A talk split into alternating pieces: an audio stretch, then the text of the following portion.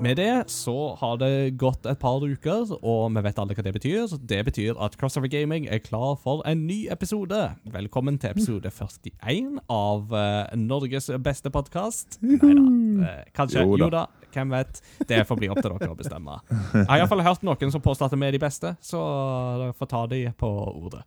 Mitt navn er Ingar Takanobu Hauge. Jeg er programleder og sitter i fin uh, isolasjon her i Oslo. En annen plass, uh, isolert i sin bunker i Oslo, så sitter Martinsen. Jo, uff da, Martin. Omai wa mo shindiru. Hei, gozaimas. Eh, Er hostehumor eh, Er hostehumor ut allerede? Ja, det var det for lenge siden, Jeg sikkert. tror Det kan hende. Det er ikke så lett å si. Det, jeg tror vi alltid skal klare å lire mer ut av den enn så lenge. Og i Kristiansand, ifra, ifra den kombinerte Le Garage og Pet Cave, så sitter Mats Jakob Nesmann. Mats Jakob. Uh. Ingen barn som har rømt fra garasjen i dag, og Nei, rømt fra huset, mener jeg. Ingen Og- barn har rømt fra huset, så det er bare velstand her, altså. Det er fint. Det er godt å høre. Da er vi egentlig klare til å gi dere en ny episode med halvannen time med spillrelaterte ting. Eh, Høre litt fra våre lyttere, komme med en anbefaling og en kuriositet.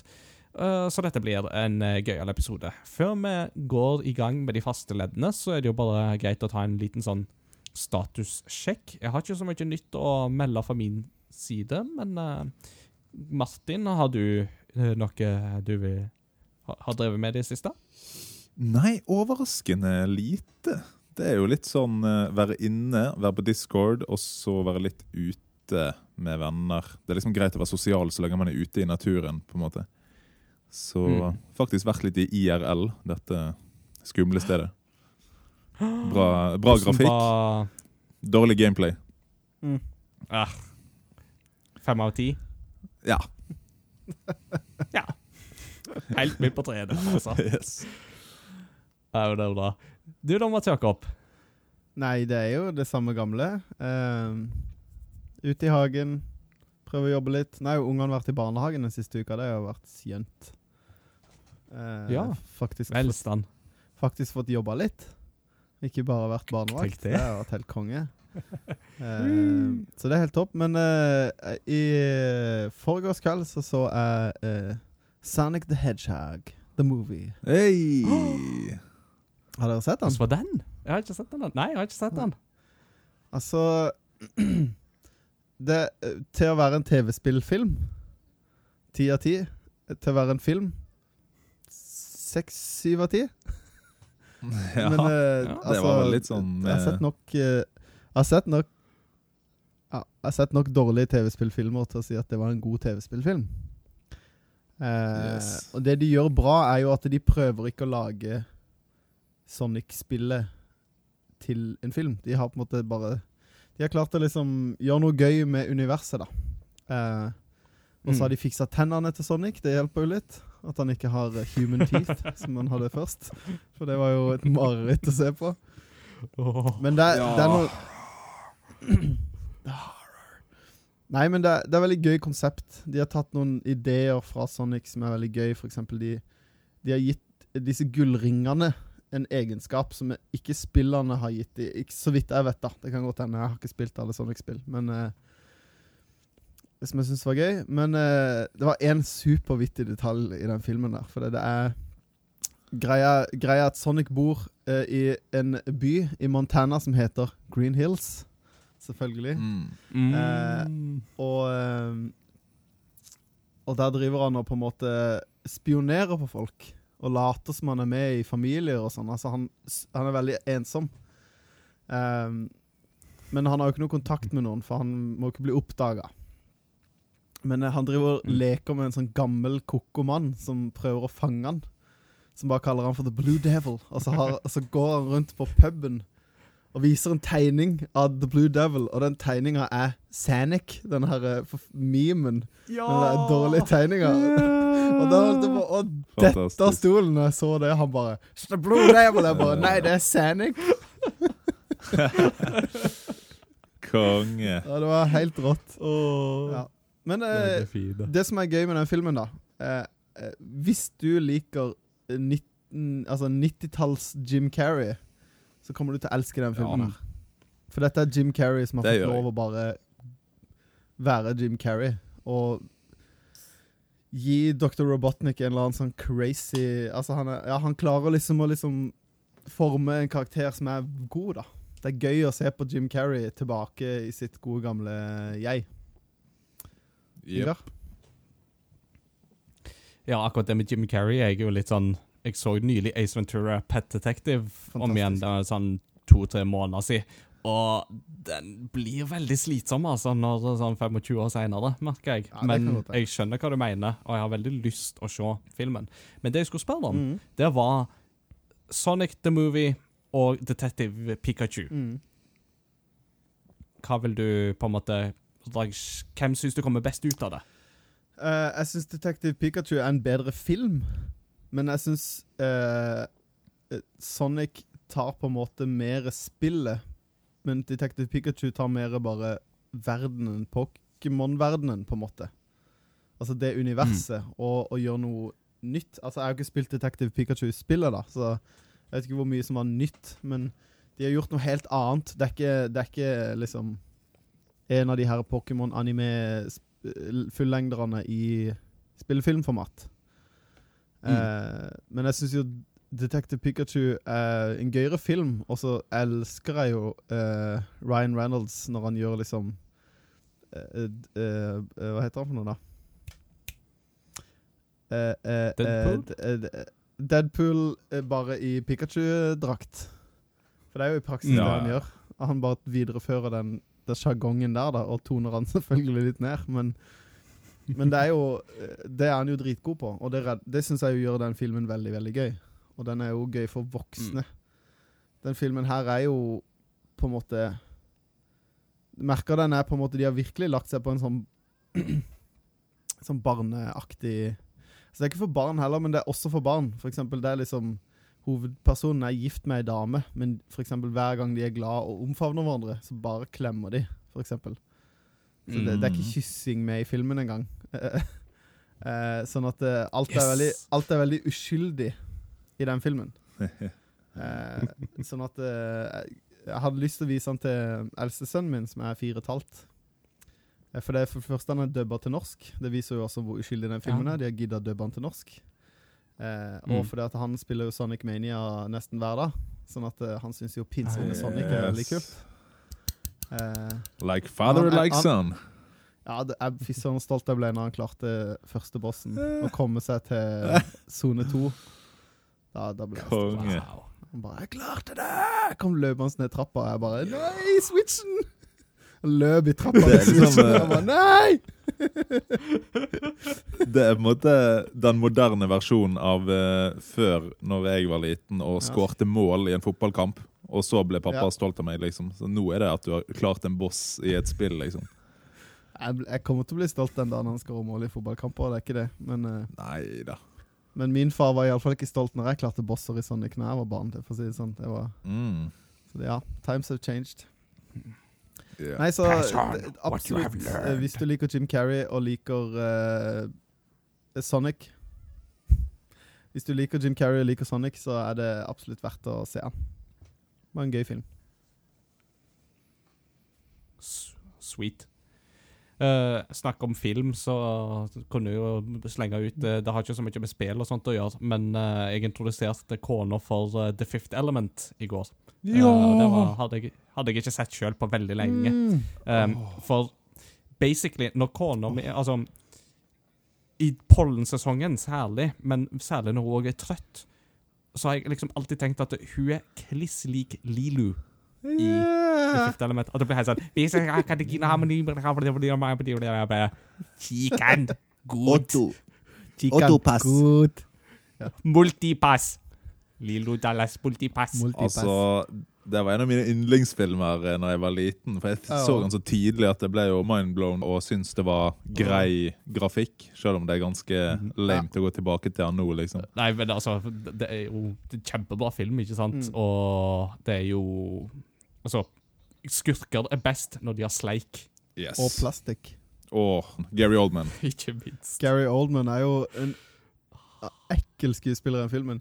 Men det, det som fascinerer meg Jeg så den eh, eh, Det var den første filmen jeg så når jeg kjøpte meg laserdiskspiller. Eh, Ja. Som var en fascinerende opplevelse. Men eh, de, alle, altså, alien-design i den filmen er veldig sånn Det er veldig ikke moderne, si- det på Mm. Altså disse her eh, o store aliensene som er sånne eh, tjukke roboter som ser ut som er i sånn barne-TV-program. Og de går så sakte. Eh, ja, det er helt fantastisk. Og så denne nøkkelen som er eh, Men jeg Mm. glemmer aldri Det var sånn Jeg sier fremdeles, og dette har jeg gjort nesten hele livet hvis, sånn, Nesten alltid for meg sjøl. Men hver gang jeg slår på eh, en lommelykt, eller driver og kikker på et eller annet, og, bare, og jeg må ha lommelykt, så sier jeg 'Aziz! late!' Aziz, late. Sånn der, ah, lommelykt. Aziz! late! Så det må dere begynne ja, med når dere trenger lommelykt. Er ikke det at eh, du er autist, Mats Jakob? Du er helt normal, altså. Takk skal du ha. Mm. Uh, uh, godt wow. å få stadfesta det uh, i denne podkasten, iallfall. Ja, Uh, godt jeg har alltid hatt en tendens til å gå rundt og si 'multipass', Mm. Uh, uh, men, uh, jeg gjenopp, men jeg gjenoppdaget jo da sitatet 'chicken good'. Det er så fantastisk. Det er. Putter en pille i mikrobølgeovnen, og så kommer det ut en hel kylling. Ja, altså Og den eh, sangscenen med Ja. hun blå Ja. alien eh, oh. Går jo fortsatt og kan nynne på den sangen eh, av og til, liksom. Ja. Det er jo helt episk. Oh, og den kryssklippinga der òg er så bra. Men eh, jeg så faktisk en video på YouTube av ei dame som synger den sangen i er, Altså, den sangen er jo ment for å være umulig å synge. Ikke sant? Dette er jo en alien-sangerinne som kan Mm. gjøre ting mennesker ikke kan. Og den Mm. sangen er jo lagd De har bare konstruert en melodi som er så å si umulig å synge. Men det ligger en video på YouTube av en Mm. sangerinne som synger den sånn som man er i videoen. Med alle de her syke hoppene opp og ned i Ja, men eh, det, det, det sklir jo helt ut, det greiene der. Men òg eh, Chris Tucker gjør en utrolig gøy figur i den filmen. Ja. Hva er det han heter for noen karakterer? Supergreen. Super green. eh, Ruby. Ruby! Hey, Ja, og uh, velkommen til podkasten om Fifth Element, Ja. der vi snakker om film. Dette burde jo egentlig vært første episode i crossover uh, spin-off. Uh, Spin-off-podkasten, Ja. men uh, Nei. Crossover watching? det får heller bli en ekstra det får heller bli en ekstra anbefaling til folk. Fifth Element har fortsatt holdt seg bra. Det var en tid der Luc Besson lagde gode filmer. Leon og Fifth Element er to av de beste. Yes.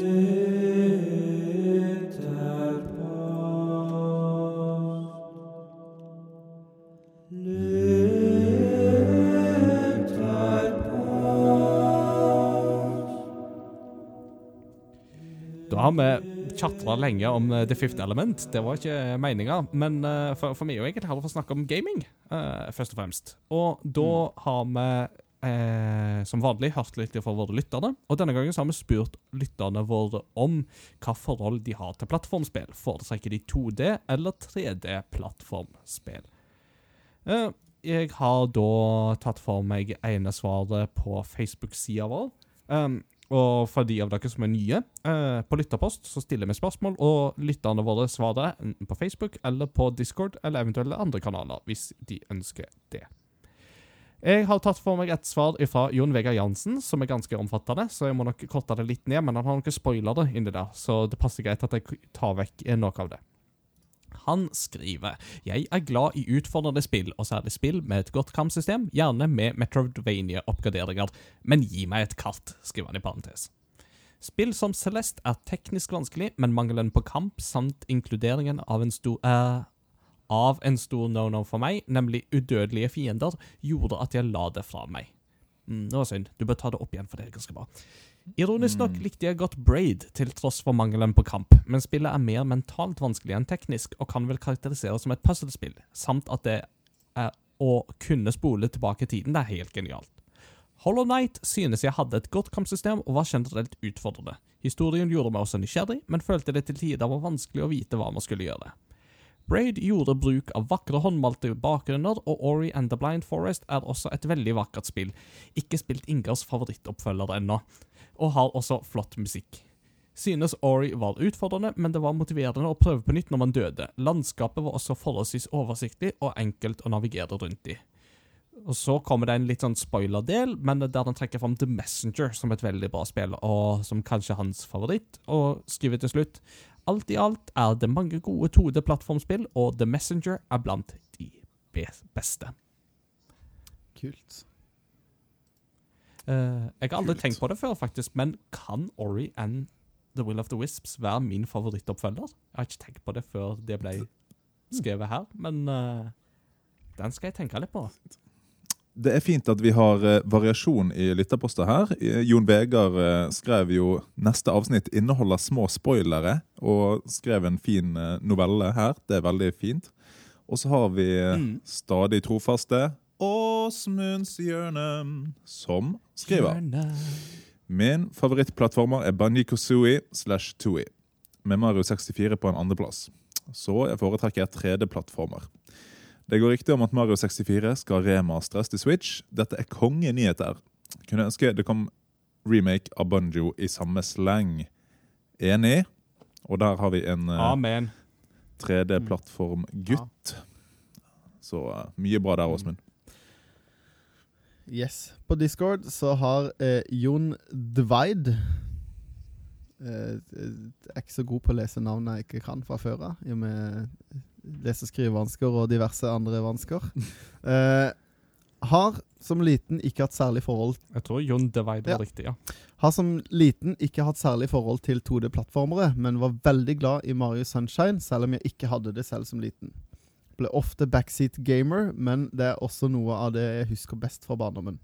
Nå i voksen alder har jeg fått mer og mer sansen for 2D-plattformere, der Ori-spillene er en klar favoritt.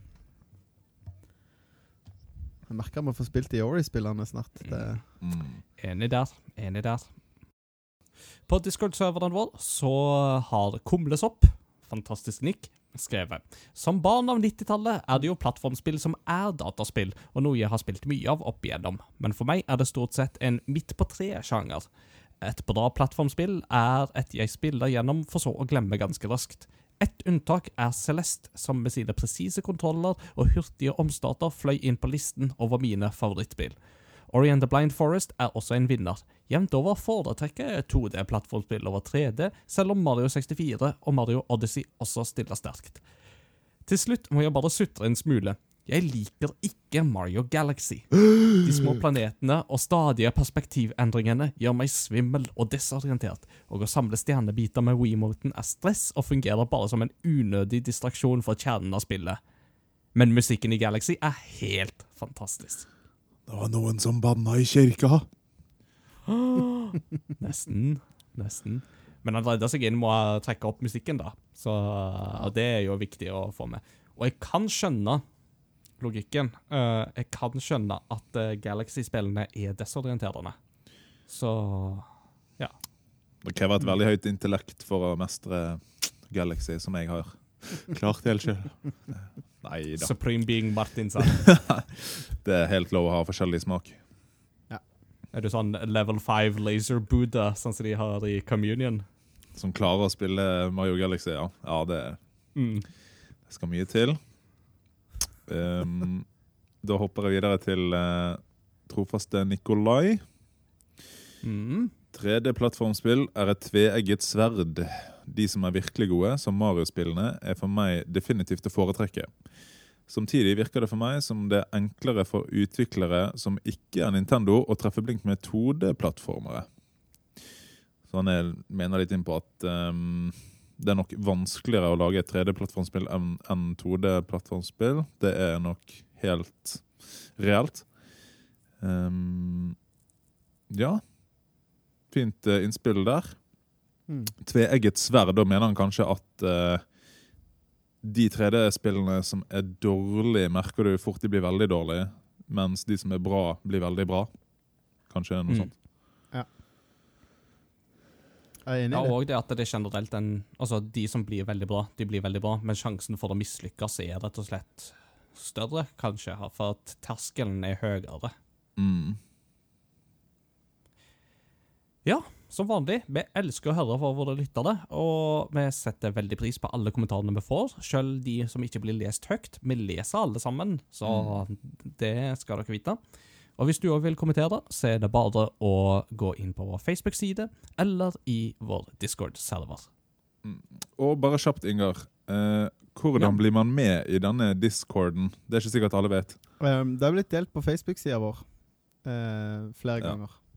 Så gå inn på Facebook-sida, så finner du det der. Hvis ikke, så tror jeg det går an å bare søke på Crossover Gaming i Discord for å finne servere. Den er åpen for alle.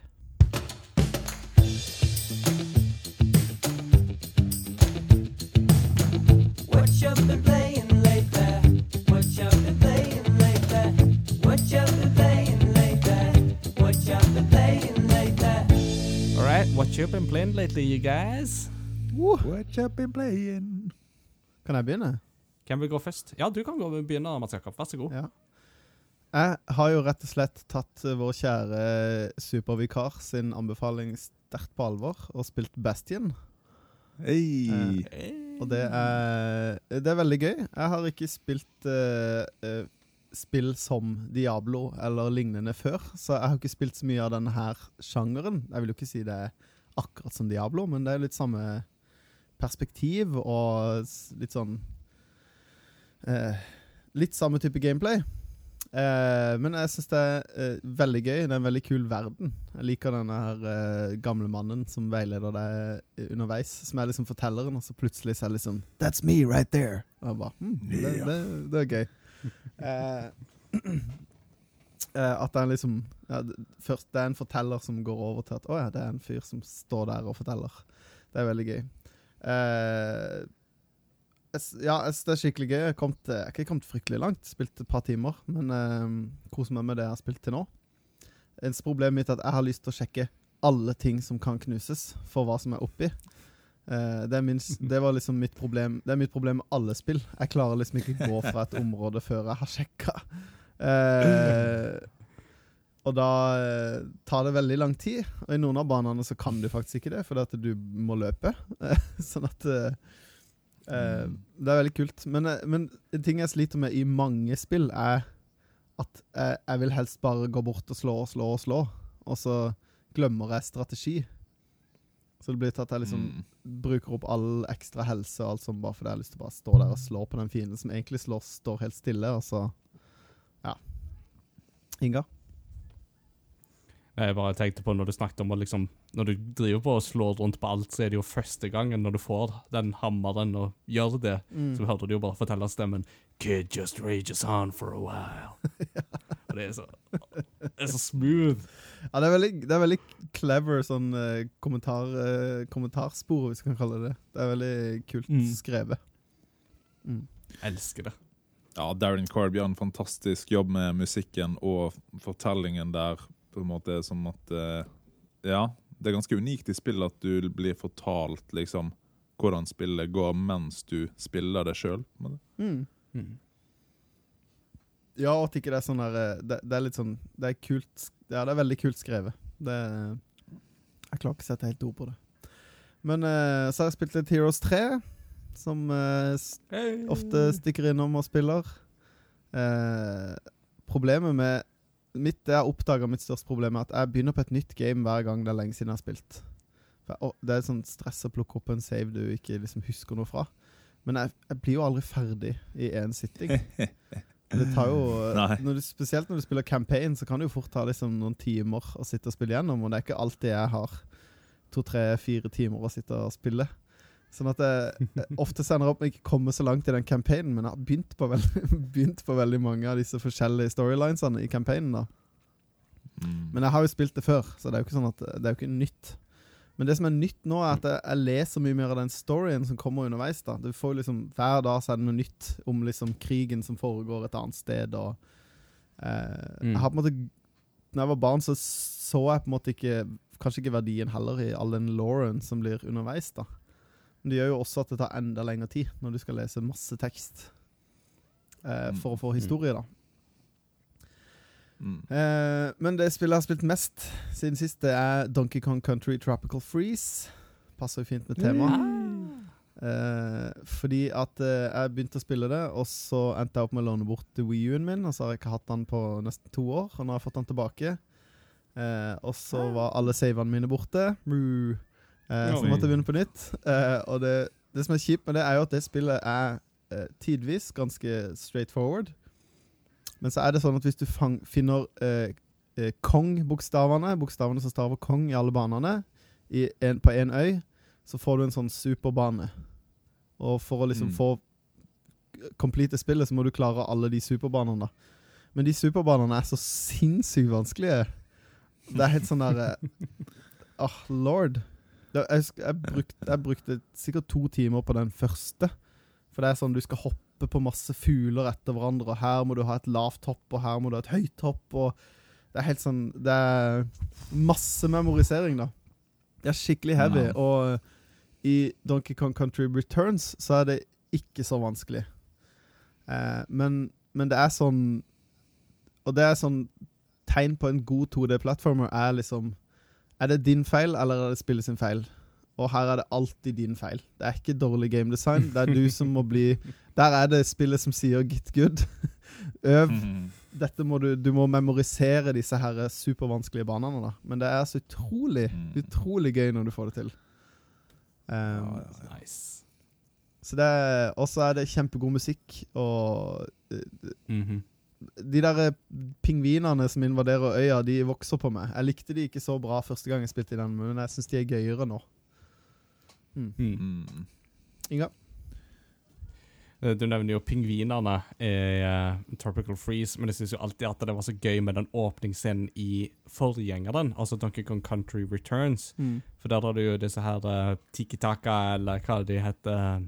Uh, Maskene. Den der stammen som kommer fra en vulkan. Ja, disse maskene som kommer fra en vulkan, og som hypnotiserer alle dyrene. Mm. Og så kommer de jo til Kong-hytta, og så skal de begynne å hypnotisere Donkey Kong, og Donkey Kong bare står der og ser dumt på dem. Og så gliser han, og så pum! og da er spørsmålet er Donkey Kong for smart til å bli hypnotisert, eller er han for dum? Mm. Mm. Brute force, man. Går nok for det siste der, ja. Ja. Men er dere vet at det er, jo, det er jo ikke bananer, det vi ser, som er dette gule stoffet som vises på skjermen. Eller hva sier du, Mats Jakob? Skal du ha banan? Skal du ha banan? Ja. Skal du banan? Banan, banan, banan. Nei, det er Det er Ja, det kan jo spekuleres i om Nintendo kjører en eller annen sånn her eh, kampanje, da. Mm. Mm. Men eh, nei, det, det er stort sett eh, det jeg har spilt. Og så har eh, Ludvig spilt Mario Kart og Sonic Mania. Nå føler jeg liksom jeg må slenge litt på hva, hva kidden spiller. Det, det er litt gøy. Det er bra. Det liker vi. Ja. Det er så fint. Ja. Um, siden du snakker om Donkey Kong, så kan jo jeg overta. For jeg har spilt litt Donkey Kong Country, altså det aller første, på Mm. Super Nintendo. Eller på Super Famicons Kult. Siden jeg spiller den japanske utgaven som jeg har. Jeg har ikke spilt så masse, men jeg fikk bare litt sånn trang til å bare boote opp eh, kasse-TV-en og slå på Super Nintendoen og så bare spille litt en dag. Så da var det en halvtime, tre kvarter. Og da spilte jeg ferdig første verden, liksom. Det, Mm. det er artig det å gå tilbake der, da, så jeg skal mm, gjøre litt mer av det når jeg får tid. Um, Det jeg har spilt mest siden sist gang, det er Resident Evil 3. Uh, remaken, altså. Kult. Uh, jeg ble jo ferdig med Doom til forrige episode, uh, og da var det egentlig bare rett på med Resident Evil 3, eh, som jeg jo sa sist gang at det hadde jeg så vidt begynt på. Nå har jeg fått spilt det ferdig. Og det er et vesentlig kortere spill enn Resident Evil 2. For Resident Evil 2 det kan du jo gå igjennom en del ganger, for du har jo både Chris sin historie, og så har du Claire sin Nei, eh, Leon og Claire sin historie i Resident Evil 2. Og de går litt sånn parallelt om hverandre. Uh, I Resident Evil 3 så er det jo kun Jill Mm. Valentine sin historie du følger, med litt sånn avbrekk av Carlos, uh, en uh, Umbrella Corporations leiesoldat som dukker opp i det spillet. Eh, Så det er jo kortere, men det er ikke nødvendigvis negativt, det, altså. Um, og det du får i spillet, er kjempebra. Det er mer av det de gjorde bra med remaken av Resident Evil 2. Eh, og Resident Evil 3 er jo et på en måte litt mer straight forward-spill, fordi i Resident Evil 2 så er det jo mye mer utforsking av politistasjonen og sånne ting. Her er det mye mer at du bare Du går mye mer lineært, på en måte, men du har noen områder som er litt bedre åpne, og som skaper en god variasjon der. Uh, Resident Evil 3, uh, kort fortalt, det finner jo sted mer eller mindre parallelt med Resident Evil 2, og da er det jo virusutbruddet i Raccoon City 1998 som du tar oss tilbake til. Og du spiller som Jill Valentine, som er en av hovedpersonene i det første Resident Evil. Så hun jobber jo veldig med på en måte å nøste opp i en del av på en måte de uhumskhetene som Umbrella holder på med, mens de ikke har klart å bevise ennå. Men nå går jo alt på tverke, og hun må rømme. Og det blir jo ikke bedre av at det kommer et stort mutert monster etter henne, som jo da har navnet Nemesis. Eh, og Nemesis sin Mm. oppgave det er å utrydde alle medlemmene i denne spesialenheten Stars, som Jill er med i. Det er derfor han går rundt og sier 'Stars'. og Nemesis er kjempeskummel som vesen. Men eh, for han, for han går jo liksom alltid etter deg. Han følger jo alltid etter deg. Og det har jo liksom alltid vært en del av gimmicket rundt Nemesis. De har likevel her i remaken så kommer han egentlig derimot mer på gitte tidspunkt. Altså det er visse plasser han kommer etter deg. Um, og det gjør at han ikke er like skummel på en måte som det eh, Tyrant, eller Mr. X, var i Resident Evil 2. For i Resident Evil 2 så hadde du jo dette alle elementet med at eh, du hadde Mr. X kom på denne politistasjonen etter hvert, og så gikk han rundt sånn at du kunne høre fottrinnene hans andre plasser i politistasjonen og sånt, og du var liksom aldri trygg for han. Eh, og det elementet får du ikke helt her med Nemesis, for eh, de har gjort han mye mindre på en måte eh, trykkende, sånn sett. Men når han først dukker opp, så er han jo kjempeskummel. Uh, og han ser jo ikke ut, så det er nasty business. Um, så det er litt mer actionfylt enn det er på en måte skrekk på en måte. Men du har noen partier som er skikkelig creepy. Du har masse sånne insekter og sånt som bare er helt sånn øh, Muterte insekter. Det er det verste. Så ja.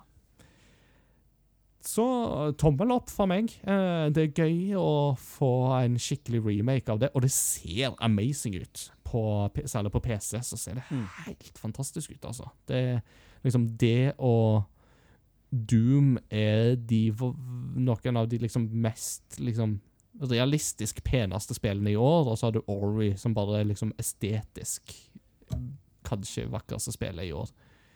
Uh, og som jo er litt av grunnen til at jeg trakk litt ned på Final Fantasy 7, fordi der det er bra, så er det kjempebra. Men det kommer litt til kort på andre plasser. Altså, Noen ganger så kommer det litt til kort, og da skinner det veldig gjennom. Så det var jo litt synd. Mm. Når jeg ikke har gjort det, så har jeg endelig begynt min Animal Crossing-karriere. Uh, jeg har etablert Oi. meg en øy. Den heter Mordor. Ja. Eh, det, jeg kom ikke på noe bedre navn. Uh, og jeg har bygd meg et telt, og så har jeg oppgradert det til et hus. Og så har jeg oppgradert huset enda en gang.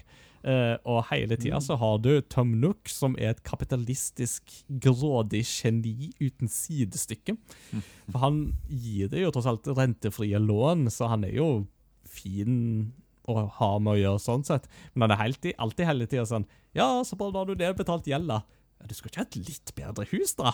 Ja, Så, ja, ja. så kan du låne masse penger av meg, og så kan du øh, Mens du er her, så kan du bruke bankterminalen i det systemet som jeg har laga. Du kan handle på nett i det systemet som jeg har laga. Du kan betale med øh, bonuspoengsystemet på smarttelefonen min, øh, din, som jeg har laga.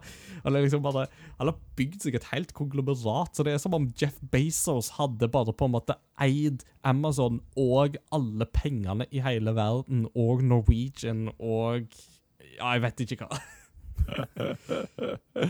Den er fin. Ja, Ja, det er så bra, for eh, nå ser jeg liksom folk jeg aldri har Mine venner på Twitter som aldri har skrevet før, plutselig komme ut og bare 'Jeg brukte to millioner på turnips eh, denne uken, men jeg har dårlige priser'. Kan, er det noen som har bedre priser til meg? Har du, kan du kjenne deg igjen, Ingar? Ja, Jeg har bare så vidt åpna opp dette her med turnipshandel, da, som jo for min del gir meg sterke assosiasjoner til tulipanløkhandelen i Nederland på 1600-tallet. For det var jo faktisk en greie at tulipanløk var en sånn ting som folk kjøpte og var helt crazy med, og så kom det et gigantisk krakk, og så var, og så var det ikke verdt en ting lenger. Dette er de første kjente eksemplene vi har på en boble som sprakk i finansmarkedet. Så sjekk det ut. Um, men jo, dette her med turnipshandel og sånt, det er jo, jeg har jo skjønt at det er sånn, du skal liksom handle på visse tider, og så er det en fyr som kommer og eh, kjøper de av deg, og så må du på en måte kjøpe og selge på det når liksom prisene er høye eller lave, og det et merkelig system, det der. Men jeg har vært mest opptatt av å bygge museum, jeg. Eh, Jeg vil liksom lage et finest mulig museum der The Blathers, den her ugla, eh, står klar til å ta imot fossiler og fisk og eh, insekter, og hver gang du gir den insekter, så blir den helt sånn «Øh, Jeg liker ikke insekter, men jeg er forplikta til å fortelle deg om dette insektet hvis du absolutt vil. Eh, jeg bare sånn Yes, please. Altså, det er så fint, for han, han Blathers han er jo ei ugle. Eh, og det vil si at Hvis du da besøker museet på dagtid, så sover han. Eh, og når du kommer og snakker med han, så sier han alltid sånn Hoo, hu!» Så jeg det blir veldig sånn skremt hver gang du vekker han. Og når han da blir skremt, så er det liksom Du har sånn rolig, fin pianomusikk i bakgrunnen. Og så slår du liksom på masse tangenter når han våkner, så det blir sånn «Grrr!» Og det Ja, jeg blir aldri lei. Nei, Animal Crossing er bare et fint kosespill. Å. Ehm, Å ja, det er masse sjarm i Animal Crossing. Det er så Ja, hva skal jeg si? Det er liksom bare avslapping til tusen. Og da er det liksom, når du kommer inn i driven, så blir det veldig sånn Bare litt til, bare litt til, bare litt til. Bare litt til. Og så Ja, så fortsetter det. Så um, Nå blir det jo spennende å se hvor mye appell det har videre framover, men uh, ja, altså Jeg er fortsatt litt sånn fersk i gamet, så jeg har ikke liksom landa på noe resultat ennå, men jeg liker det godt så langt. Mm. Så har jeg et spill til, men eh, det har jeg egentlig sperrefrist på fram til denne episoden er ute, eh, og litt etter det. Så for at vi ikke skal utsette denne episoden, så venter jeg til å snakke om det spillet til neste episode. Så Martin, Mm. vær så god. Ja, jeg har kommet inn i en veldig fin groove. eh, Jeg har liksom funnet meg en rotasjon, spillrotasjon. Mm. Og det begynner med at Det begynner med Heartstone. Å bli mm. legend i Heartstone. Men det er jo ganske lett. så det tar jo slutt på Mm. et uh, tid. Og så når jeg har blitt det Tusen takk for gratulasjonene, forresten. Uh, når jeg har blitt det, så eh, begynner jeg med Teamfight Tactics eh, av Riot, og ranker litt der. Um, der er ikke det liksom samme sånn milepæl. Nå har du blitt legend, så det er litt sånn opp og ned hvor mye det blir. Og så har jeg tenkt hm, hva nå? Og da, min gode venn som jeg alltid kommer tilbake til. Litt som han der eh, vennen på ungdomsskolen eh, som du liksom Ser han bare når du er hjemme på juleferie, men da kan du henge med han, liksom. Der har jeg eh, football manager. Eh, Ah. Så nå er jeg inne i en ny periode. Har dykket inn i Leeds United. Eh, rykker de opp til, fra championship til Premier League. Og eh, bygget et bra lag som skal lukte på eh, øvre halvdel i Premier League. da. Så det er veldig fint. Og så inni den rotasjonen så kan jeg eh, spille litt nye spill. Så da har jeg eh, spilt eh, det nydelige spillet Griftlands Ja. Av Clay Entertainment. Mm. Griftlands, noen eh, kjenner det kanskje igjen fra E3 eh, når de ser eh, art av det.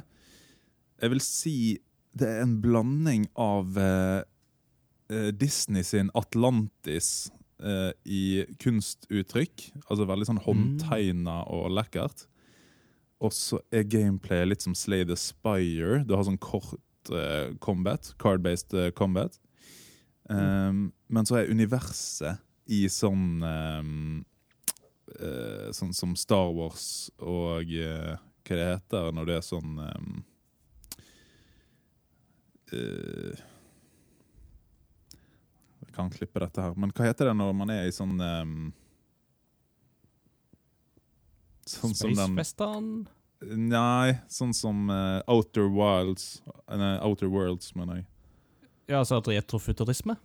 Ja, men hva heter det? Ehm, og den der serien som du liker, Ingar. Space Western. Ja, men hva heter, Ja. hva heter det, da? Der Science Fiction? Jeg ville fiction. bare kalt det Space Western, jeg. Men uh...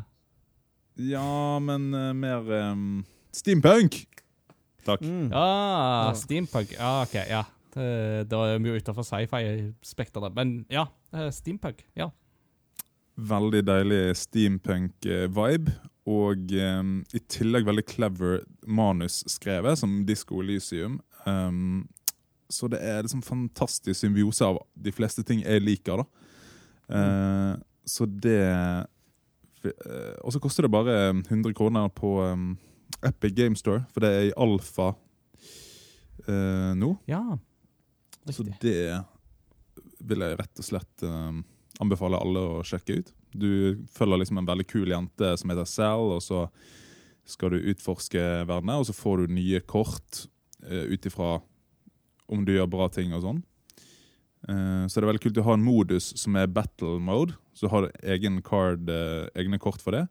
Og så har du en modus som er negotiation, for det er liksom RPG her, sånn, så du må liksom drive storyen videre med mm, enten eh, samtale eller liksom eh, kamp, da. Mm. Eh, veldig, veldig kult. Så sjekk det ut, folkens. Ja. Det var Griftlands? Var det det du kalte det? Griftlands. Griftlands. Ja. Ja, nice. Jeg husker det når du nevnte det på E3 og sånt, og jeg tok en kjapp, kjapp kikk, så kjente jeg det igjen fra E3. Og jeg likte den beskrivelsen som du sa liksom med Atlantis uh, møter Slay the Spire. Det syns jeg hørtes uh, Ja, det var, jeg ble nesten gira på å sjekke det ut nå, så jeg får se, se hva jeg får tid til til neste gang. Yes, do it. Yeah, we will, I will do.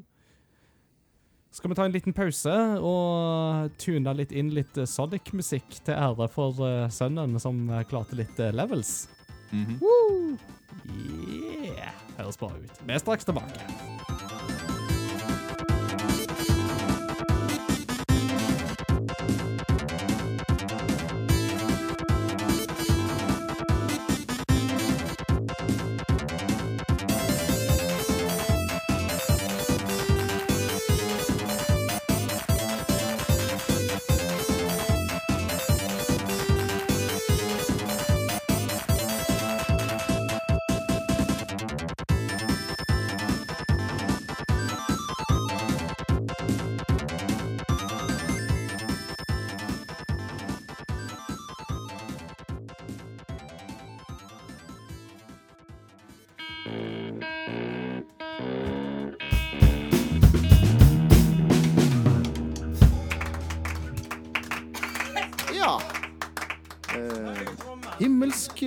Fra ungdommene. Eh, nå er det ukens kunngjøringer. Med litt eh, tunes fra Sonic the Hedgehog 3, så um, Ja, det er jo MJ som står bak mus deler av musikken der, faktisk. Så det Mats Jakob? At du velger det MJ. Nei, ikke Mats Jakob, men han andre eh, MJ. Å ja, han andre. Han Han andre, litt mer dette, han er ikke så Han som ikke er så viktig, nei.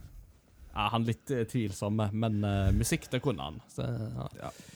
Litt kunngjøring må vi ha før vi Mm. fortsetter. Uh, at eh, Gamescom eh, blir avlyst, f.eks. Det kommer vel ikke som en stor overraskelse i disse dager. Men en positiv effekt av uh, tida som vi er i nå, er at eh, det er en del studier og sånt som gjør sitt for at folk skal være hjemme og bruke ikke så mye tid ute og sånt.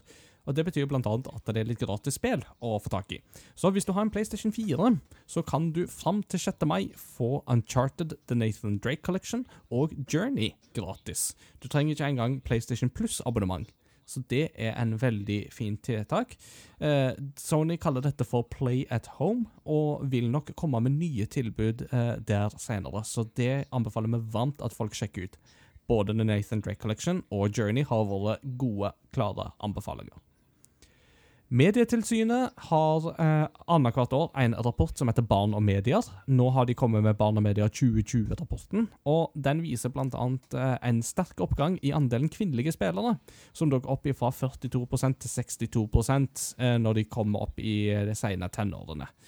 Og det syns vi er kjempebra. Det er fortsatt litt igjen til de er på samme nivå som gutta, som ligger stort sett på sånn rundt 90% men eh, en markant oppgang eh, på, på bare to år. Og det er jo bare å ha tommel opp for. Og det er noe som vi òg kjemper for, og vil at eh, ja, alle skal spille. Så det er bra. Mm. Helt til slutt så tar vi med en liten uh, kuriositet som uh, Mads Jakob uh, lengte inn, og det er forhåndsbestillingsprisen på PlayStation 5 og Xbox Series X. Jeg vet ikke om det er komplett, eller om det er noen andre plasser som opererer med dette, denne prisen, men de plassene der du kan forhåndsbestille PlayStation 5 og Xbox Series X akkurat nå, så har de en forhåndsbestillingspris på 9999 kroner. Så det er ikke så rent lite. Men ta det med ro, du slipper å betale den prisen, eh, for du betaler jo uansett ikke før maskinen blir lansert. Og selv om maskinene kan bli dyre, så kan jeg garantere at de blir ikke så dyre. Men artig er det lell. Artig lell. Med artig lell. Med det så har vi kommet til dagens eh, tema, og Mats Jakob, du foreslo denne gangen at vi kunne snakke litt om todimensjonale plattformspill. Mm. Og har du lyst til å ta litt ballen og slenge inn et par tanker eh, for å få oss i gang? Ja. Eh, hva skal jeg si eh, Det er Kan vi ikke begynne med å bare si litt hva våre eh, favorites og eh, kanskje ikke så favorites er? Eh, og kanskje si litt om hvorfor de er favoritter, og eventuelt eh, på i bunnsjiktet. Hmm. Eh, det var iallfall Det tenkte iallfall jeg. Blir fort litt uh, Bunnsjiktet blir fort litt vanskelig, men uh, Mm. Ja, begynner på topp, da. Det er jo Spørsmålet her er jo liksom Når vi skal snakke om 2D-plattformspill, så er det jo spørsmålet om vi skal på en måte tenke rent plattform, eller om vi ønsker på en måte tenke undersjangere. For hvis en begynner å slenge inn Metroidvania, for eksempel, så Ja. begynner den uh, kategorien å bli ganske stor. Um, da Mm. vil jo spill som Super Metroid og Super Castlevania Nei, ikke Super Castlevania, men eh, Castlevania-serien vil jo utmerke seg. Og, uh, og selvsagt Ori-spillene, som jeg har blitt veldig glad i i det siste. Eh, men hvis jeg sløyfer Metroidvania-sjangeren Mm. i denne omgang, bare for å på en måte begrense meg sjøl litt, og snakke om todimensjonale plattformspill, så er det jo noen av de gamle klassikerne som utmerker seg. Det er jo helt klart. Super Mario World er jo et som ikke kommer unna, som jo er nesten på grensen til perfeksjon. Eh, men òg da spill av nyere dato som Shovel Knight er jo et Mm. som jeg har snakka varmt om i denne podkasten, og som virkelig fanger en del av den klassiske todimensjonale plattformmoroa for min del. Mm. Mm. Ja, pluss én på den, altså.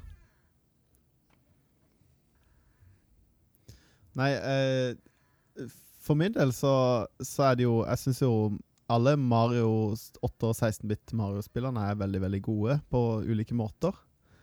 Eh, det er jo eh, Hva skal jeg si? Nintendo har jo vært en pioner i den sjangeren her. Det er jo det er ikke noe tvil om det. Det er en grunn til at Mario har den statusen han har, og det var fordi de lagde de aller beste plattformspillene på den tida.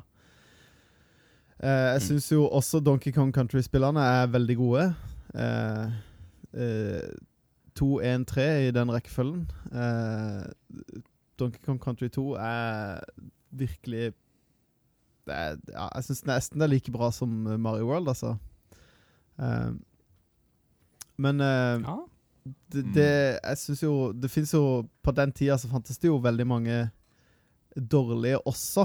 Og det som jeg syns er litt fascinerende fra den tida, er jo at mange av de Det er jo de gode vi husker. Det er jo så lenge siden at det er de gode som blir igjen.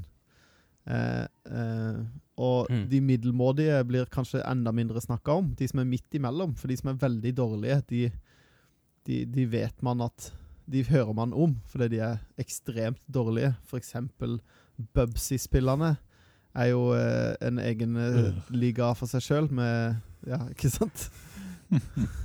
med dårlige puns og eh, elendig st styring. Eh, for en av de Mm. tingene som er liksom veldig make or break på et bra plattformspill Du kan ha fantastisk uh, art style og bra grafikk og en interessant figur, men hvis det ikke kontrollen er bra Det er jo det som er alfa, alfa og omega i et plattformspill. Litt som det er et uh, fighting-spill eller uh, et uh, first person shooter-spill.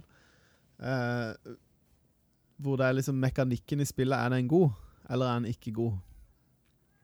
Eh, og eh, de gode spillerne er Der er det veldig bra, og de dårlige spillerne der er det veldig dårlig. Det er ofte det som er liksom Det som skiller, da. Eh, men eh, Hva skal jeg si? Eh, for å trekke fram noen av mine Jeg, jeg vil jo tørre å påstå at f.eks. Megamann egentlig er et 2D-plattformspill i veldig stor grad. Mm. Eh, og Absolutt. de er jo også veldig, veldig gode. Bucky O'Hare Mm. På 8-bit Nintendo er veldig bra. Eh, det er jo ikke en så veldig kjent Mm. karakter, men det er et veldig godt spill. Det er jo en Megamann-klone, det òg. men eh, ja. Du er litt, jeg er litt enig med det. Det er vanskelig med dårlig. Jeg bare slang det, slang det litt ut. Men, eh, men dårlig plattformspill er eh, Ja, jeg, kommer, jeg tror jeg må tenke litt på det sjøl. Ingar? Eh, ja, jeg er veldig glad for at du slengte inn Megamann-serien der, for det er jo også en av de seriene som jeg jo vokste opp med, og jeg har jo hatt en Mm. veldig forkjærlighet for Megamann opp gjennom årene. Uh, når jeg var kid, så var jo noe av det gøyeste jeg visste, var jo å tegne egne Megamann-brett. Det var Mm. basically tegna dungeons, som var liksom lange korridorer med masse fiender, og umulige dødsfeller som liksom var helt fantastisk umulige å forsere. Så tenk hvis jeg hadde funnet de i dag og lagd de i et eller annet spill, eller noe sånt. Det hadde vært interessant å se om folk hadde liksom fått det til, ikke sant? Uh, så ja. Og når vi skal snakke om de der veldig klassiske plattformspillene, så må vi jo òg slenge inn Ducktales inni dette her. Uh, Ducktales på Nes var jo jeg, jeg har liksom aldri vært den store Ducktales-fanen. Um, kanskje litt speila av uh, min Donald-helt Don Rosa, som jo heller ikke liker Ducktales som serie. Mm. Men Ducktales-spelet det er det ingenting å utsette på. Det er så gøy, altså. Og viste jo det at Capcom òg virkelig kunne lage gode plattformspill som ikke bare var Megamann-serien. Mm. Ja, det, det var ikke mye feil Capcom kunne gjøre på den tida der, altså. Det Nå for tida gjør de jo Nei. bare feil. Nei, nei, nei, nei. Capcom gjør jo bare bra nå. Altså, Ja, de har nå- jo, laget jo, Resident har jeg sett, de og Devil May Cry og Monster noen, eh, Hunter. Så De har hatt noen mørke år. det har de. Ja. Men de siste par årene så har de virkelig kommet tilbake. altså. Så De har jo hatt et av tidenes comeback. Så det er sånn at du har lyst til å spørre Capcom kan dere ikke ta en telefon til Konami og be de gjøre det samme. Våkne opp. Mm. Mm. Ja, det Ja. Nei, for det er jo sånn derre Konami lagde jo helt sinnssykt mye bra spill. Alle tre Castle, uh, Iallfall to av de tre Castlevania-spillene er veldig gode. Det ene er litt rart. Mm. Hva er dette for noe? Simon's Quest. Det er jo litt sånn merkelig. Simon's Quest. Kjent for å være et litt rart spill. Litt kryptisk og rart, men uh, men Castlevania 1 og 3 er veldig, veldig gode spill. Eh, og det er jo litt sånn Det er jo pre-Metroidvania-stilen. Det kommer jo seinere. Men eh, ehm, Hva skal jeg si? Nei, det er jo litt sånn der er Den storhetstida for eh, 2D-plattformer var jo 16, 8 og 16-bit-æraen, til litt i 32-bit-æraen. Det fins noen gode der òg, men eh, Men det er jo litt deilig at er kommet veldig tilbake. At det er liksom på vei tilbake igjen, Mm. dette her. Eh, og eh, der er det jo også litt sånn hit or miss, men, uh, men Celeste er jo blitt nevnt som et veldig godt eksempel. Shovel Knight. Um, mm -hmm. uh, ja, fikk jeg litt sånn derre Norske Owlboy er jo litt, litt i det terrenget òg, selv om det er mer den Metroidvania-sjangeren som iallfall jeg valgte å ekskludere litt. Uh, Ja. Så ja, her er det masse, det er masse godt å hente. Hvor vil dere plassere Ori-spillene, da? Ori vil jeg òg plassere i den Metroidvania-kategorien, Uh, men Mm. helt klart, hvis vi liksom det, det er verdt å trekke fram det òg når vi skal snakke om 2D-plattformere, uh, hvis vi skal tenke Mm. veldig bredt. Uh, Mm. Mm. og for meg så har jo det seilt inn som helt fantastisk spill. Det har det jo. Mm. Mm. Eh, og av nyere 2D-plattformere så syns jeg jo at um, Altså, Ninte Eller Mario syns jeg nå er bedre i 3D, når Nintendo lager ting sjøl. Super Mario Maker har jo gjort på en måte jobben for Nintendo. Nå trenger jo ikke Nintendo lage 2D-plattform Mario lenger, for nå gjør folk det for deg. Ja. Men, uh, men, men de har et par andre serier der de på en måte overtatt det sjiktet, og et av de er jo Yoshi-spillene. Mm.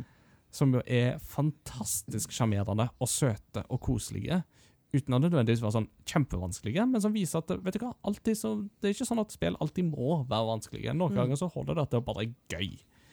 Og så har du jo Kirby-spillene, som jo òg virkelig holder på, på, på 2D-segmentet, og som jo virkelig på en måte er litt sånn 2D-plattformer light. Ikke altfor vanskelig, men fortsatt litt eh, Gir det litt utfordringer, i alle fall underveis. Mm. Mm. Ja. Jeg, jeg på en måte eh, det, Jeg har på en måte ikke lyst til å ekskludere Metroidvania-sjangeren, fordi at Ja, det er veldig annerledes, men det er likevel også Det er på en måte vanskelig å putte det i noen annen sjanger, annet annen stor paraply enn enn 2D-plattformer. da. Det er jo det det er, bare at det er med litt sånn mer sammenhengende gameplay da, enn det er i Mario-spillene hvor du går fra Mm. brett til brett. Um, for eksempel Mm. min, min favoritt Euphoria, eller Hebereke, er jo eh, Vil jeg jo kalle en 2D-plattform, men det er jo også et Metroidvania-spill. Det er jo et stort sammenhengende uh, brett som du åpner deler av. Men, uh, Mm. men plattforming Kanskje i det spillet mer enn f.eks. Uh, Castlevania-spillene, da, som er uh, åpne, er, så er det jo stor del mye plattform Altså, du, det er mye Du hopper på plattformer og vanskelige hopp og eh, planlegge og fors, altså, hva skal jeg si eh, Prøve og feile. Eh, for det er jo det som ofte er det du sitter igjen med med sånn 2D-plattformspill, er jo prøving og feiling, hvor Celeste kanskje har liksom virkelig eh, skrevet det i stein, at eh, dette er en stor del av denne sjangeren, her, å prøve og feile. Eh, og som eh, en, eh, en av lytterne våre skrev i sin kommentar, at, at den respawninga er så kjapp. Hvor viktig det er. At ikke det er Mm. sånn 'Å, du døde', og så loade, og så kan du begynne igjen. Eh, men at du Mm. liksom Det er rett på igjen, da. Eh, som er en ting som Som jeg syns er veldig bra, som det ikke jeg kommer på noen gode eksempler på fra gammelt. da At det går litt sånn fort å komme i gang igjen. da Som Mm. kanskje eh, Super Meatboy er kanskje det første spillet jeg husker hvor det var litt sånn, det var litt sånn Du kom litt sånn raskt i gang igjen. Du liksom Du var veldig Mm, ja. på, da. Eh, og Super Meatboy var jo også et av de spillene som var med på å starte opp igjen sjangeren igjen, da. Eh, for fullt. Eh, og det har vi jo snakka om før i Indiespill-episoden. Hvis dere er interessert i det, så er det bare å gå og høre den. Eh, men ja. Martin? Jeg tror Super Meat Boy er det spillet jeg har dødd eh, flest ganger eh, proporsjonert med hvor mye jeg har spilt spillet. det er sånn eh, Jeg tror 50% av tiden har gått med til bare dauing, liksom. Ja. Eh, men speaking Altså, siden du først har ordet, Martin, uh, hva er liksom mm. dine takes på 2D-plattformspill og liksom dine favoritter der? Uh, jeg vet iallfall at Ja. ett av de har vært nevnt allerede. Ja. Jeg begynte jo med Gameboy i min karriere.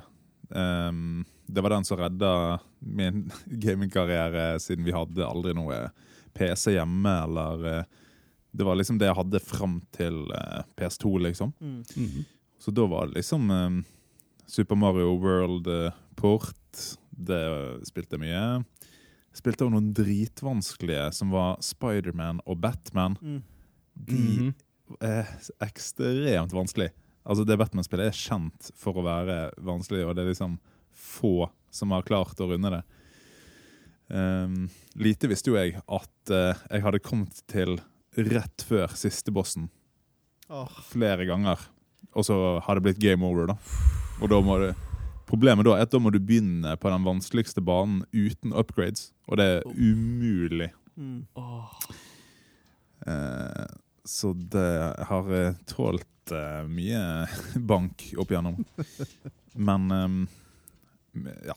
Og selvfølgelig Donkey Kong Country, eh, porten til Gameboy, da.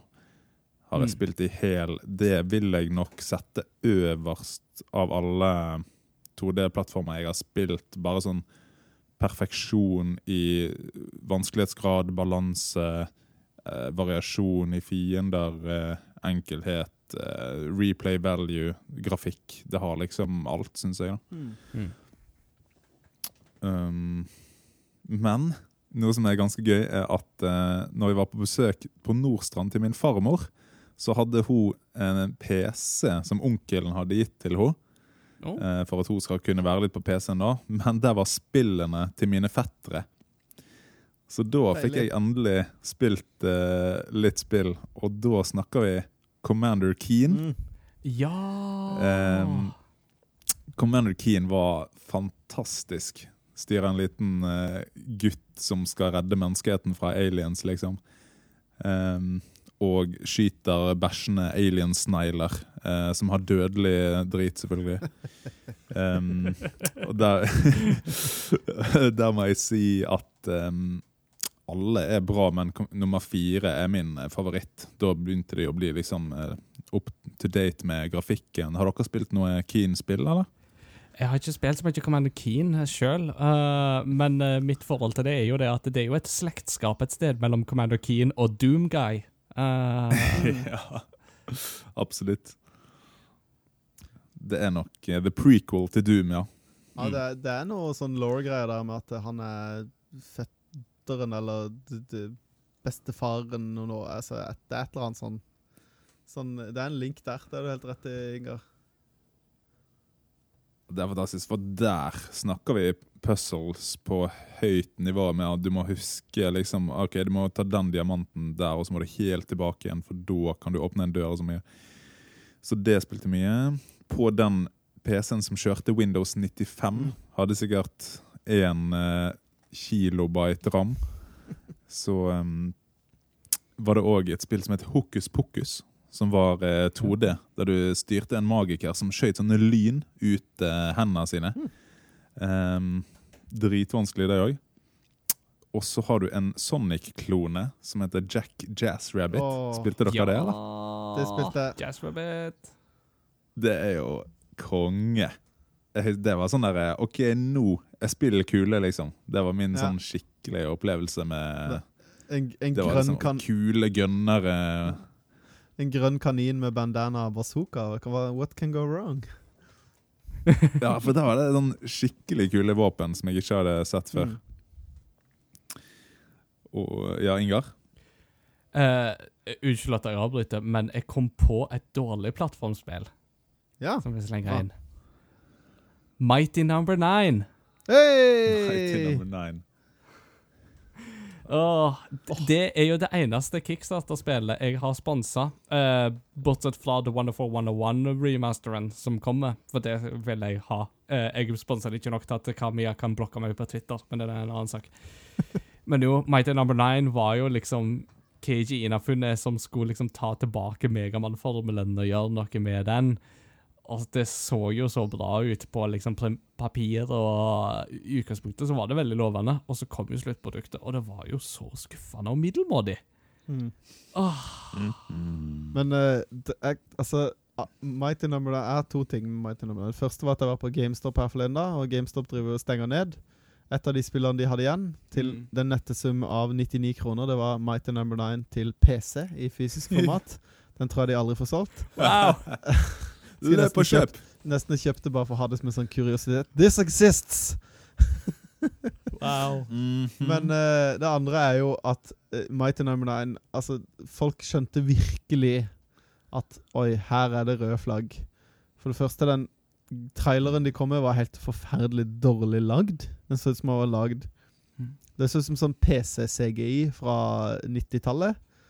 Eh, Med dårlige eksplosjoner. Det var helt krise. Og så han fortelleren Mm. Altså, når du har en trailer for et spill, og så disser eh, eh, fortelleren i traileren publikummet sitt sånn, sånn steinhardt.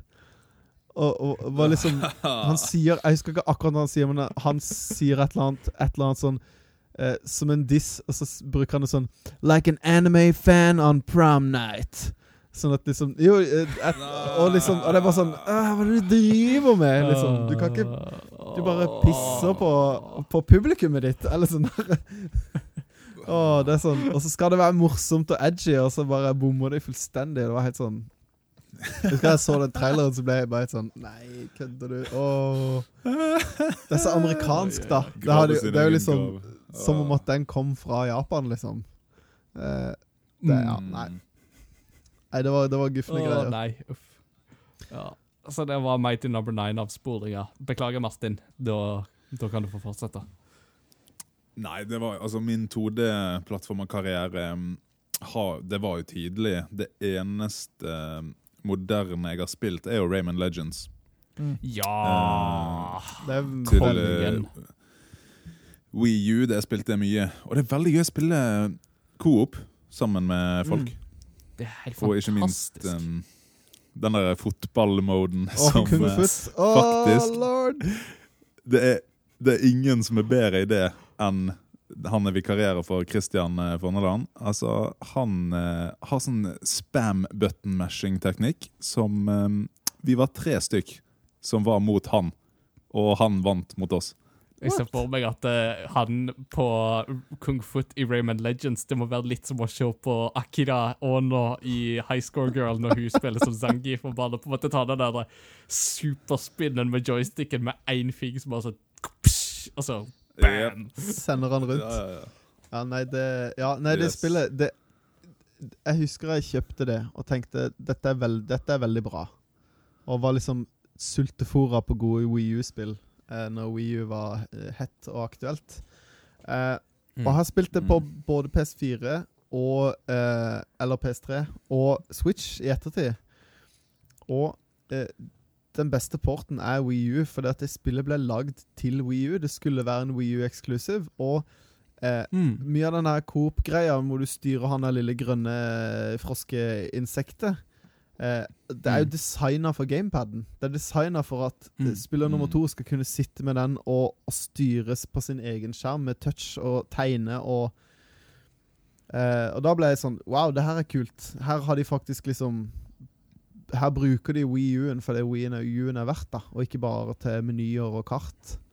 Eh, det syns jeg var sykt. Det var litt sånn Da fikk jeg på en måte den det, det spillet og Nintendo Land på det her gjemselspillet og Luigi's Mansion-spillet, hvor jeg var sånn Den gamepaden her er dødsfett. Dette er en veldig det, Mm. Dette er ikke bare en Mm. gimmick, det, en, det er, har faktisk en verdi gameplay-messig, da. Um, Ikke sant? men ja, det, det er et vanvittig gøy spill. Og de der musikkbanene er helt fantastisk bra. Når du, Åh, alt skjer i rytme til musikken. Den der dragebanen Ja. Mm. der du liksom løper på den muren, og så skal Ja. du ta den dragen i takt med musikken der. Jeg husker jeg spilte den, den første av de banene. Eh, Den spilte jeg sikkert ti ganger etter hverandre når jeg, når jeg kom til den. Med liksom, og med låta Black Betty òg. Black Ram Jam. Ja. Helt rått. Nei, det er dødsbra. Fantastisk. Nei, så ja, det er Jeg godt har innspill. en, for, I mitt hode så ser jeg for meg at um, det første ordet i spillet er litt inspirert av Raymond Legends. Mm. Litt sånn der samme stemning, grafikk, uh, syns jeg. da Har du noen tanker om det, Ingar? Det har nok noe for seg, det, altså. Eh, jeg ser for meg at det er litt sånn hvis Rayman-grafikkmotoren møter en litt sånn Studio Ghibli-inspirert estetikk, Mm. så eh, vil du på en måte Vil Ori være på en måte the love child of that marriage, på en måte. Eh, Og det er jo veldig synd at de ikke har brukt den UB-Art-motoren mer i ettertid. Um, fra Ubisoft, for de har jo brukt den for eksempel med Rayman-spillene, og så brukte de den med Valiant Hearts, som jo òg er Det er ikke 2D-plattformspill, akkurat, så, men uh, de brukte det jo til Valiant Hearts, altså første verdenskrigsspill, og så brukte de det i Child of Light, som er et uh, todimensjonalt rollespill.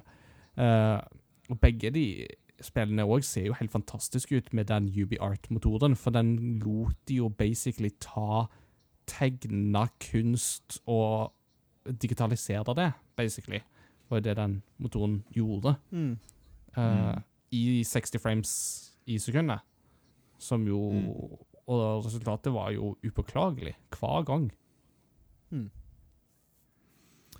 Uh. Og når kommer neste Rayman 3D-spill, spør jeg. Der har du etterspørsel fra fans, Mm. og Ubisoft kan bare kjøre på med en hit der, eh, tenker jeg. Altså til Switch. Give it to me. mm. ja, Aha, aha. Pluss én. Pluss én. Uh, jeg bare følte for å gi litt uh, Vi er jo, har jo på en måte praisa Nintendo ganske bra, men vi må jo gi Sega litt eh, love også i, den, i det segmentet her. Uh, eh, Absolutt. Og da kanskje spesielt både Capcom og uh, andre sånne utviklere. Men uh, Alex Kidd-spillerne er veldig bra. Mhm. Jeg Eh, tenkte på det. Jeg tenkte på det. Alex Kidd-spillerne som lærte Vesten å spille stein, saks, papir. Uh,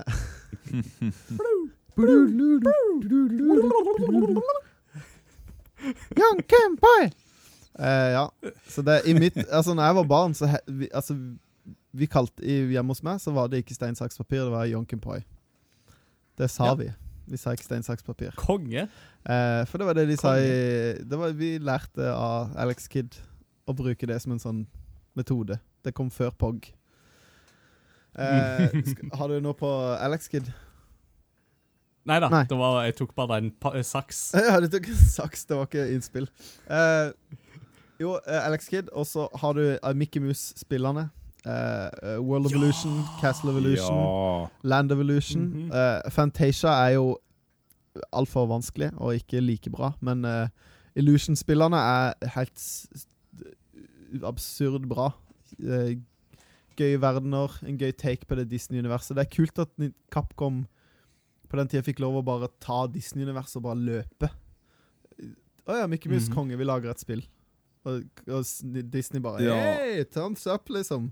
Det, eh, ja. Martin?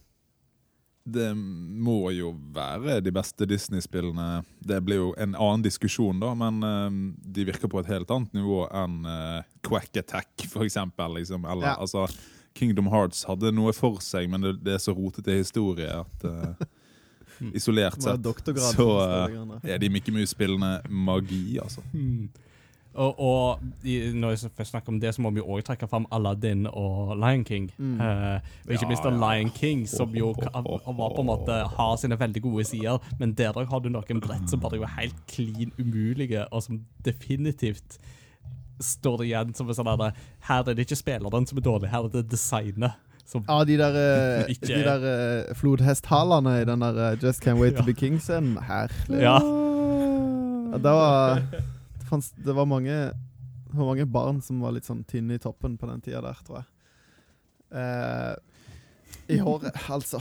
Men eh, jo, Aladdin-spillene er veldig bra. Eh, Sonic eh, Alle Sonic-spillerne er jo eh, det de er. Altså, det er jo en egen en, en egen subkategori av plattform, for det er jo high speed-plattform.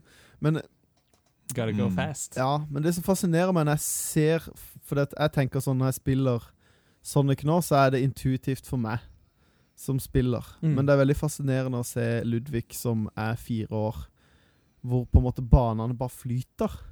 Og så er det noen sånn Oi, her er det litt tricky, men, men det fins jo alternative ruter og Altså, det, det var ganske sånn kom, Ikke komplisert, men i Mario så var det litt sånn OK, du har på en måte én plane, og så har du litt plattformer over og under og sånne ting, men eh, der har du liksom flere ruter, da. Det fins ikke én Mm. Mm. riktig vei eh, til Rom. Det er mange veier til Rom. Eh, eller som eh, min, mitt favoritt eh, tegnefilmsitat er fra Ed, Ed og Eddie, når han eh, dumma de sier 'Rom ble bygd med én sag'. Nei, Rom ble ikke bygd med én sag, sier han. Det, da koste jeg meg. Uh, OK. Hva kom på det nå? Uh, Toe and Earl, Panic on Funkatron, er jo en perle i seg Oh, sjøl. yeah. Et helt fantastisk spill hvor uh, eh, planeten til Toadjam and Earl, som er romvesener, blir invadert av mennesker. Eller rettere sagt barn som gjemmer seg i buskene, så de må finne alle barna og sende de tilbake i romskipet sitt. For de kommer og bare kaster ting og ødelegger og roter. Um, Mm. Nei, jeg, jeg, kan jo, jeg kan jo gi meg der, men uh, Wonderboy, sorry. Nå bare kommer jeg Ja. på. Det er Wonderboy. veldig mye bra. Mm. Og jeg husker um, i barndommen uh, på Famicom så hadde vi Adventure Island. eh, som uh, jo er på en måte en sånn Wonderboy-klone. Vi kalte det vel egentlig for Wonderboy, faktisk, Mm. fordi at de gikk litt sånn om en annen eh, Ja. i vårt miljø. Eh, men uh, altså Ja, altså Adventure Island 2 altså, mm, Mm. For det en sånn kostforklaring for de som jo ikke har peiling, så du spiller jo basically en steinaldermann med holdt på å si, basteskjørt som springer liksom fra AtB, og underveis så kan du få hjelp av dinosaurer og drager og whatnot, liksom. Og, Og stå på skateboard. Skateboard. på det er viktig å få med, ellers hadde det ikke vært 80-tallet. Nei, Hallo. men det er jo litt sånn der Mario meets Fred Flintstone, på en måte. Uh, han Mm. har jo en hjelm lagd av stein. What could go wrong? Stemmer. stemme. Vi Jeg hadde òg et Flintstone-spill, faktisk, når du nevner det. Eh, men det Flintstone-spillerne låter det. Det var ikke så bra. Åh, men de Flintstone-spillene på 8-bit Nintendo, begge to er kjempegode. Eh, jeg hadde jo Et av de sjeldneste spillene til 8-bit Nintendo er uh, Flintstones Surprise at Dinosaur Peak. Og det er enda mer Oh. sjeldent i USA, for i USA så var det kun mulig å leie dette spillet. Så uh, Den amerikanske versjonen koster mange, mange, mange tusen kroner. Uh, men naboen min hadde det. Eh, Så jeg husker det veldig godt fra barndommen. Og eh, var et av de spillene jeg ville kjøpe igjen da Når jeg begynte å skulle spille kjøpe de gamle spillene som jeg likte da jeg var barn.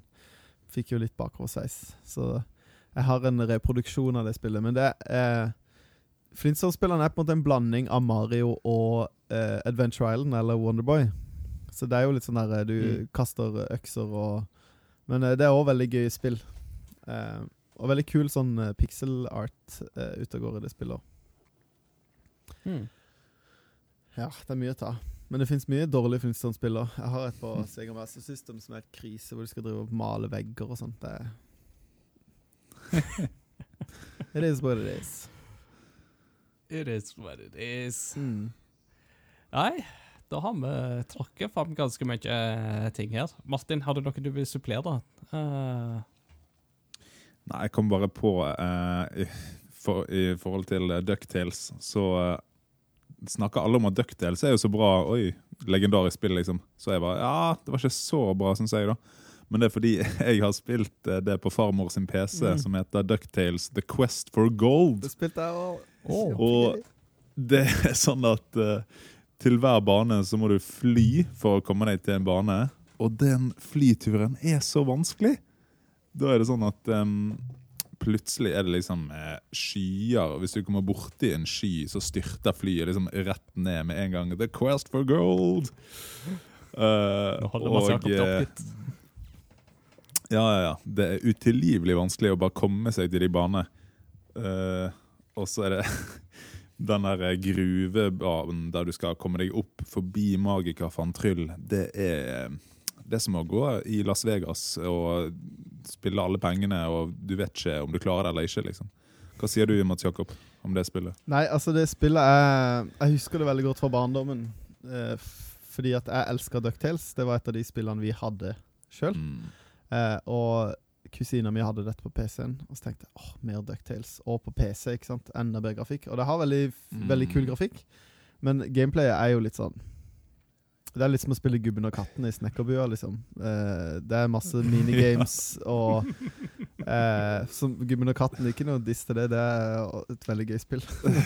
men, eh, men de skal drive og ta bilder av dyr eh, inn i eh, liksom, Du skal finne Ja. de i landskapet og zoome inn og Hva det står for noe? Ja, det, det, ja, det er, jeg bare litt i manualen her, og jeg huske alt. Men det er Hørtes iallfall vanskelig ut. Ja, du skal De liksom jungelbanene der er jo ja, på linje med Lion King. Eh, investments, ja, map reading det Nei, det er ganske, det er ganske det er, Ja. Og den der gruveutforskinga Det er Ja. Ja, Nei, det er, det er, veldig, veldig rart. det er go eh, gode minner, men uh, ikke så veldig gøy spill. Nei. Gode minner, men ikke så gøye spill. Det hørtes ut som enten eh, et godt sted å avslutte temadelen på. Yes. Perfekt. Nei da, det er en skatt å ta av av uh, todimensjonale plattformspill, iallfall. Det er det ingen tvil om. Enten du går tilbake til liksom epoken som virkelig definerte sjangeren for 80-tallet, eller du går til liksom 16-bit 90-tallet, eller til de nyere, moderne uh, standardsettende spillene som Shovel Knight, Celeste, eh, eller Ori, for den saks skyld, som jo er bare noen av eksemplene som man finner. Og det var veldig bra at du to- trakk inn Sega, Mats Jakob, for jeg tenkte på det. Men eh, nå rakk du opp hånda, så du skal få eh, siste ordet. Jeg kom på et dårlig Et dårlig plattformspill. Ja! Ja, La oss avslutte med et dårlig. Iallfall en dårlig opplevelse. Uh, uh, Ja. uh, Bloodstained. Ja. Ja.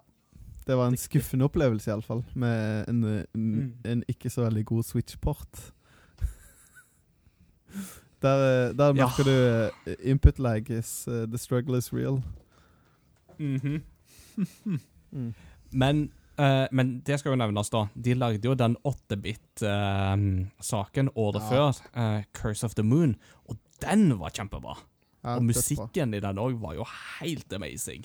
Mm. Den naila de. Absolutt. Men det må vi bare si helt på tampen nå, at det er jo vanvittig mye bra musikk i disse spillene. Eh, når du driver og spiller en bane om og om Mm. igjen og prøver og feiler, og, så er du avhengig av å ha god musikk som, som driver deg videre, da. Som får deg Og Megaman er jo et prima eksempel på det. Mhm. Musikken er bare sånn å, Jeg har ikke lyst til å spille mer, men jeg vil høre mer på den låta her, for den er så fet. Mhm. Martin? Yes. Og i Donkey Kong Country um, undervannsbanemusikken er jo helt Amazing. Ja. Det er så fett med de der synth-bandene.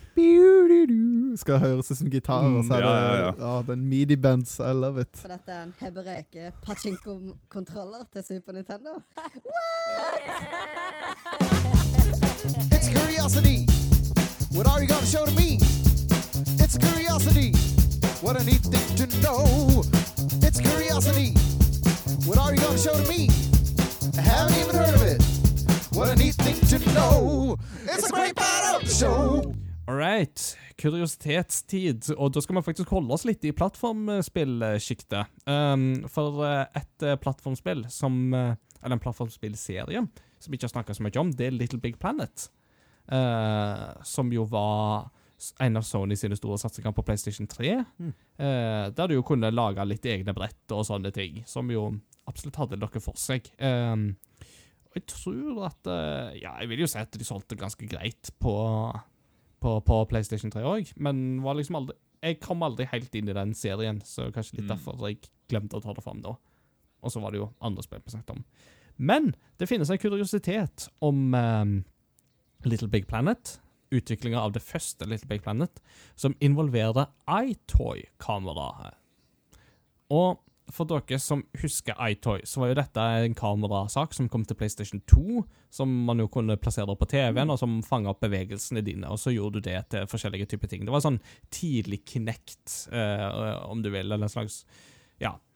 Eh, be- eh, før webkamera var liksom alle man sier, og sånt, så var iToy en sånn relativt billig og greit eh, kamerasak som man kunne bruke.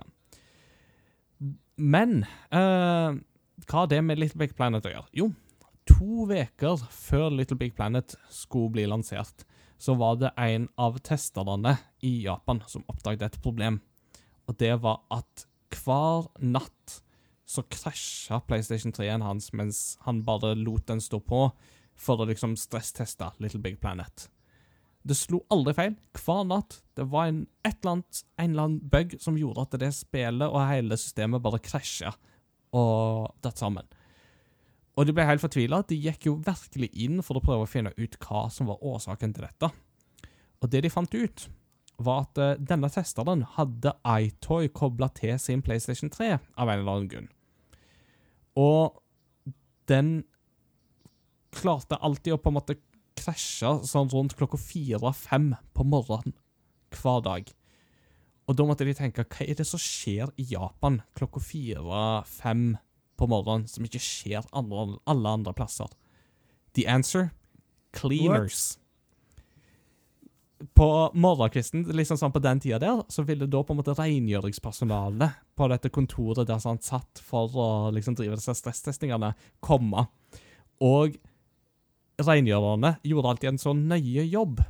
Så de holdt på å støvsuge veldig lenge, og da støvsugde de jo sånn opp i en times tid. Og denne white noisen ble da fanga opp av iToy-kameraet, som mata denne dataen inn i spill Eller altså til det rett og slett ble for mye white noise, og rammen rett og slett ikke klarte å håndtere all den white noisen, så det til slutt gjorde at spillet og systemet krasja. Så løsninga var relativt enkel. Ikke spill Little Big Planet med iToy kobla til Wow. mens du støvsuger, så skal dette gå veldig bra. Så shout-out til japanske renholdere, eh, som da tydeligvis gjør en mye mer nøye jobb eh, når de skal gjøre det rent, enn eh, andre plasser. Og en artig liten kuriositet Nice. der, rett og slett.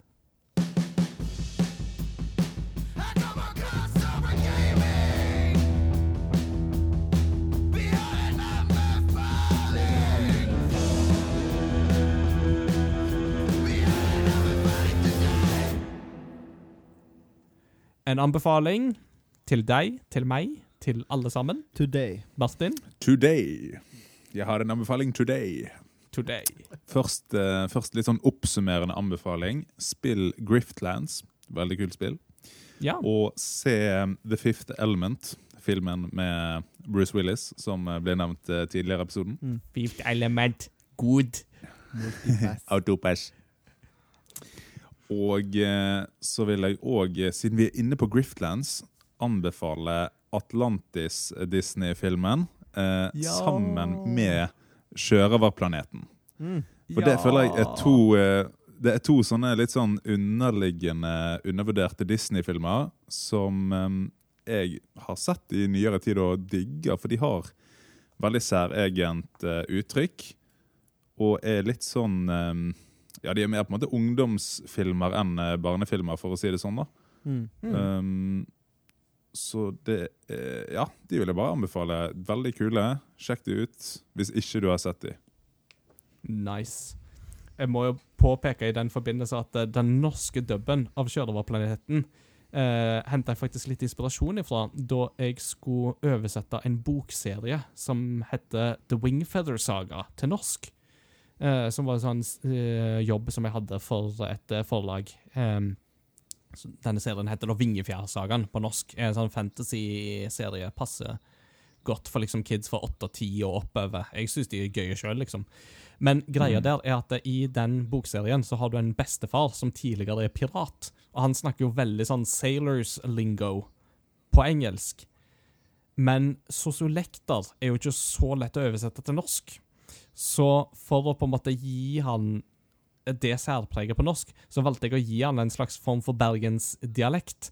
Og da veldig tett inspirert av Helge Jordal sin tolkninger av Lon John Silver i den norske dubben av Sjørøverplaneten. Ja, den er legendarisk. Morfan! Kom her, du lille morfan! Si hallo til Mr. Mopp og Mrs. Bøtte. ja, ja, ja. Fanta Jimbo! Bøtte. Han er fantastisk.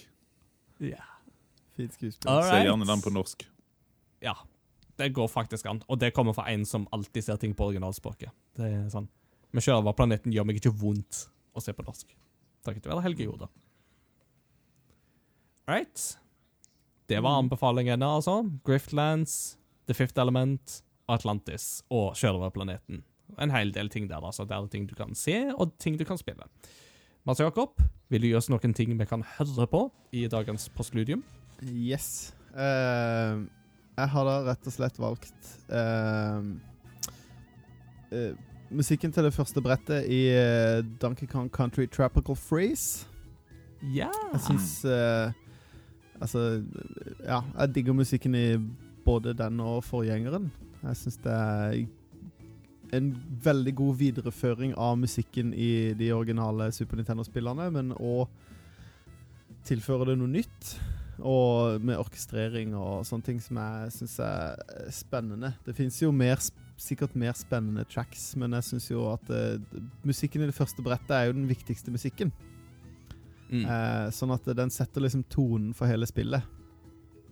Eh, som jeg syns er veldig god. Mm.